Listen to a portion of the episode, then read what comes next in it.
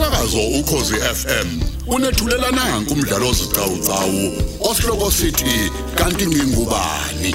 Lo mdlalo ubhalwe ngusandile Mbili.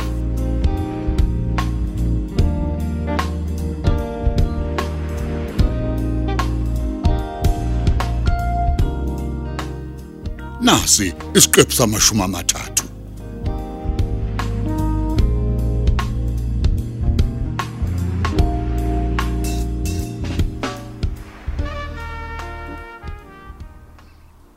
Awu ngena bra wami uzwakala maqhinga mfowethu. Ola ola lapho Skokhe angisakwazi ndoda. Hawu wena nje ongasaziwa. Eh. Yazi bese ngicina ngokubona nje kancane udlula le emgaqweni Awuzi. ngiyisidlajeni uyogibela le ethafeni. Makukuthi itekisi idlule isicwele lapha ngakwena. Ayi bro amplaza ngisuke sengisheshane ke lapho. Ngisuke sengilate ngenye indlela. Hey, Eh nawe pheze lento yakho yokuhlezi ulate. Yini ngempela inkinga yakho? Eh, kuzondoda. Hlezi ulate baba. Hayi. Hlala khona la kule studio. ayishosho ngiyabonga mfethu. Hey, yazi ijwayele ukungenza nje lento yokuthi yabona uma ngingena ekseni ngicishe ngibe late. Kodwa ngicabanga ukuthi lento yokuthi ebusuku ngisuke ngichitha isikhathi esiningi efonini yabo. Oh, ubusy no TikTok, ama video ko YouTube awulali. Yazibona ke. Yazi wena. Hayi kodwa ke wazi mina ke lapho. Eh wena zithini la? Khona la uphuma khona yini? Ngakufica ukhipha impahla ko plastic ufake efrijini. Yini? Hey mfethu ufika nje ngiyangena nje nami. Ngiphuma ngapha ngasemall kade ngisathi kuyocosha cosha igross encane yabo. Oh yeah, yeah. So ubaba ubeshiya amasentshana nje wathi angivuke ngiyothenga. Angithi phela Perfect. kusasa kuza abantu bakwanxele.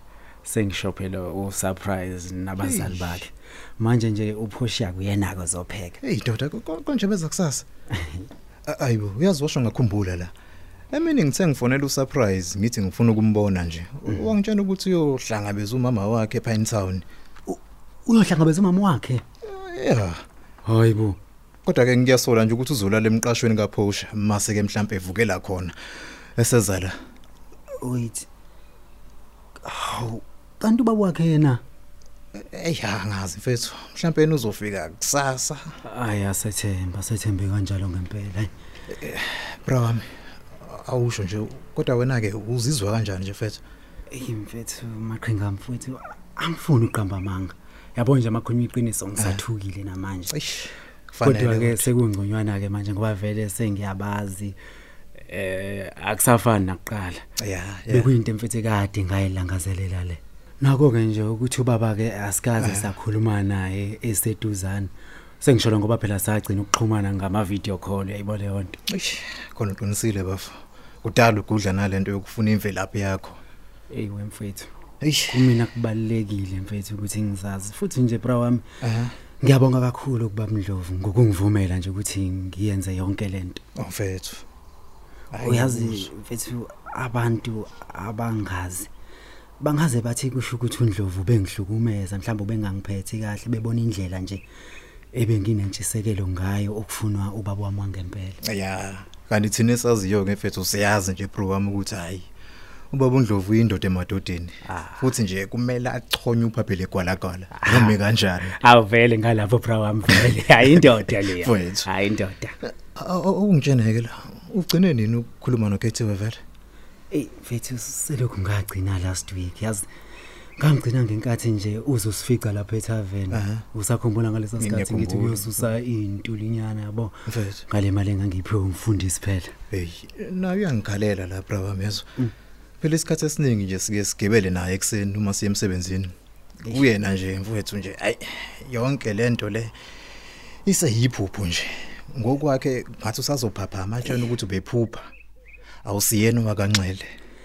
ey bafa empeleni nakumina kunzima Eish kufanele mfethu.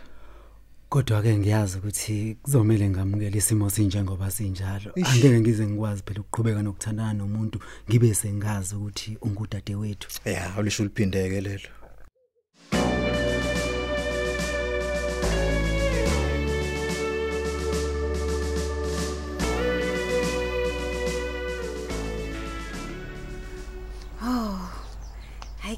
Ma ikhona ke la kaSimphiwe.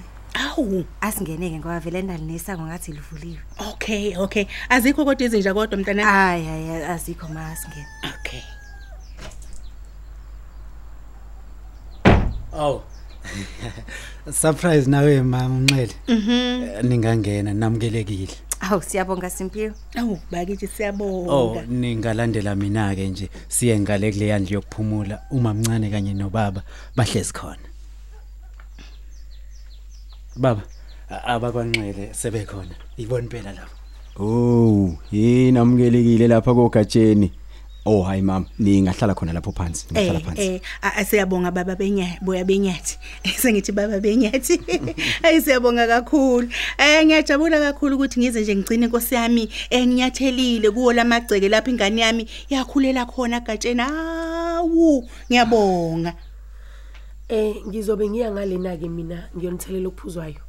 Awu, singakujabulela kakhulu lokho mamzimela wami. Manje ke ma, awusho. Uthe ungwakwanxela ngithi. Ah, ehe ehe yebo igama lami mina ngufihliwe ngiwumabuthelesi kahle kahle Oh. oganelele konxele he ehe hawu bakithi naku sengikhohlwa kanti lo engihamba naye indodakazi yami ehe engazibula ngaye usurprise ebese ke enelanywa amawele he okumxolisi noxolani Mawuthi umxolisi usho lo owakulahlekelezela ngithi usho kanjalo ma. yebo kunjalo ehe Eh, manje ke awusho ke. Yize noma ke uSimpiwe angitshela. Uwambona kanjani ukuthi uye indodana yakho? Ngoba nami impela ngifisa ungiphindele lokho ngiyacela nje ma. Naliti Oh siyabonga. Awu siyabona. Usempiwe ngangithe akangiphathele isithombe sika mama wakhe lo kuthiwa udeliwe washonayo. Okay. Ehhe, ngangisho kanjalo ngoba engqondweni yami intombazane yantshontsha ingane yami ayizange nje izisuke, ayizange iziphele nje. Okunye inkathi esanda ngitshontshwa umfana wami. Yayikifike le ntombazane ngephupho, kube sengathi i- iyayibuyisa ingane yami uyabona. Ingakho sasihlezi nje sikhona isithombe sayo engqondweni yami ngoba ngangimbona nasemaphusheni. Uh Nkosi yami. Okusho ukuthi wayifisa ngempela ukumbuyisa. Kwaba ukuthi ke waye engasanakwazi phela ngenxa yokuthi wayeseshonile. Yebo, nami nje sengicabanga kanjalo uma sengibona manje. Eh Ehhe wabe yasiphatha kuSimphiwe isithombe. Nangempela ngayibona le ntombazane yantshontsha ingane yami ngemuva kobudedengu bami. Bokuyinika ingane yami ngithi ayingiphathele ngenxa yokuthi ngangisayoshintsha lele linyiwele inabukeni endlini yangasese. ngakithi. Hayi manje nje yilokho nje kuphela okukhombisa nokukwenza ukuthi mama uzubona ukuthi isiqiniseko sokuthi indodana yakho uSimpiwe le. Eh egatsheni empeleni akusikhona lokho kuphela. Ya, yini enyawuze nayo ngizwe. Mm ngizocela uSimphiwe uyabona asukume. Hayi. A- Awusukume wesimpiwe. Hayi ngoke ngizwe. Awusukuma phela nawe. Yesapha.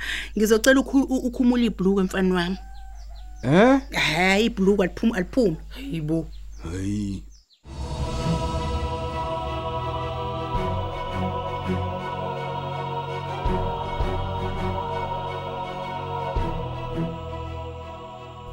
Hayibo. Mase sinxele. Yeah. Kungani uthi uSimphiwe akakhumule manje? Hayi nami ngizoke ngizwe ngempela. Ma indaba manje? uSimphiwe ngithi akakhumule nje ingoba uma ngikhumbula kahle la kuyena uyabona la ku- ku- la emhlabeni lo ngezazi ehe ecele nje kwawe ethangeni kunomkhango omnyama oyindingilisi ngisho kanjalo nje ingoba onesa aba- ababesiza udokotela wayengibelethisa baze benza inhlekisa njengamawele ami bathi nje anebali elifanayo ethangeni kusho ukuthi esiswini abelele ebhekene ethinteni ngamathanga Oh yeah.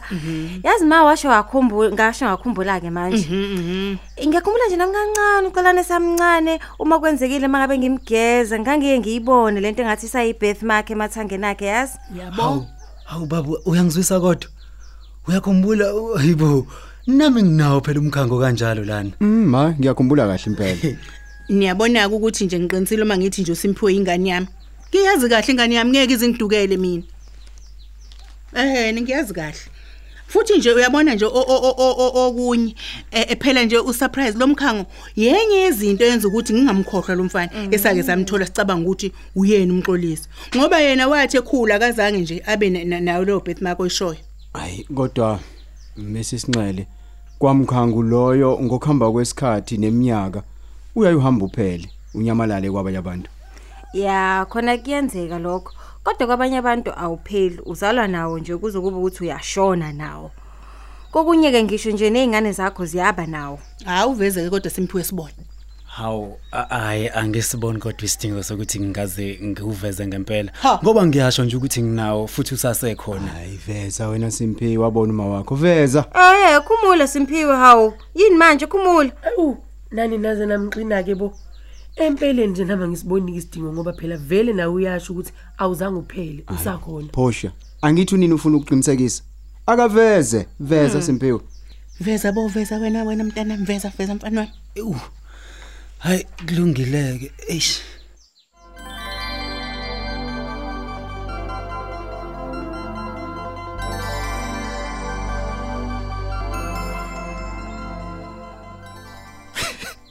ima ima impra wami uthi uthi kwenzakaleni Hey ngiyakutshela bra wami. Ey amahloni kimi mfethu amahloni.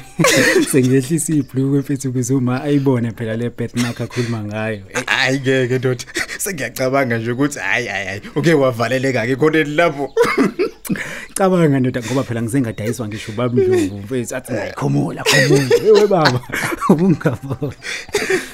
hayi ngeke ndoda hey Mfethu mina bengena inkinga yokukhulumula phambi kwamama unxele Yeah, kanye yeah. nobaba.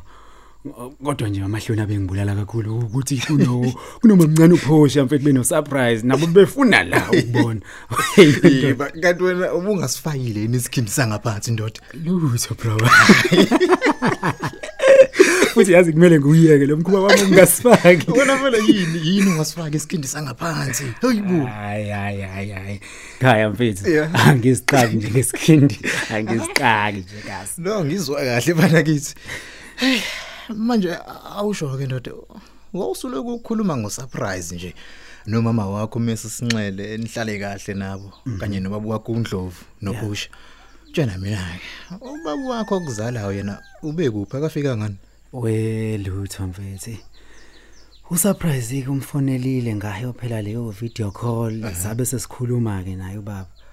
Ya ebonga nje phela ebonga kubaba Ndlovu ngokungikhulisa nangakho konke nje. uyasho ukuthi uyibanjwe yini? Uthe phela umsebenzi omningi kakhulu kodwa ke uthembisile nje ukuthi na kanjani ngesonto elizayo. Uzogoduka wabe sethi ke nami angofike emkunkundlovu ke ngizobavakashela washo nokuthi nje ufuna ukungifica ekhaya. E- ekha- ekhaya kuphi ke Hawu. kuba surprise njengoba ngisho nje bra wami. Hayi no ngiyakuzwa sibali wami man awuzi maqhinga. Awufuni impela ukuyiyeka lento yakhe yokungibiza ngosibali hayibo uyena nje vele. Hawu. Hey mfethu nakho nazi ngisitholile isimemo somshado lapha na WhatsApp bra wami. Hayi no umuntu obesenza usishayile sezingeni. I- ibe yinhle impela mfethu uyibonile nawe hayi baba kakhulu.